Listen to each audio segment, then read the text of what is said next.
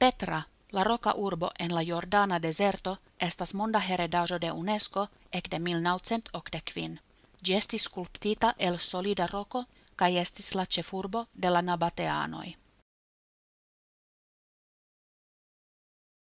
Gi cuscis mese de la reto de mesorientai komercaj voioi, cae estis grandiosa metropolo en antikvaj tempoi.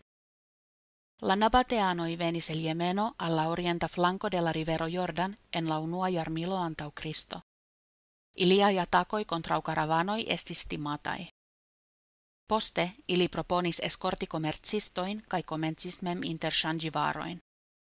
Ili ricigis kaj konstruis luksan urbon. Ĝi enhavas rokajn temploin, processian straton, liberstarain templojn, bizancan basilikon kai unikajn mausoleoin. la loco de Petra estis strategie brille electita. Oni nur povis eniri tra mallargia gorgio nomata sic, tial la urbo estis neconquerebla. En la muroi flanke videblas aquacanaloi parto de ingenia canala sistemo. La sic conducas recte alla tresoreio.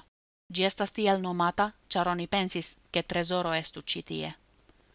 Hodiau archeologo scias, che gi estas la tombo de regia familio.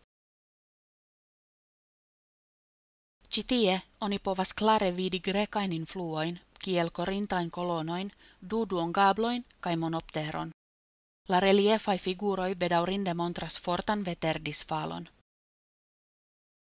La vastigio de la rocurbo comencigis circau en la dua iarcento antau Cristo. Gi havis pli ol dudec mil logiantoin dum sia plei bona tempo.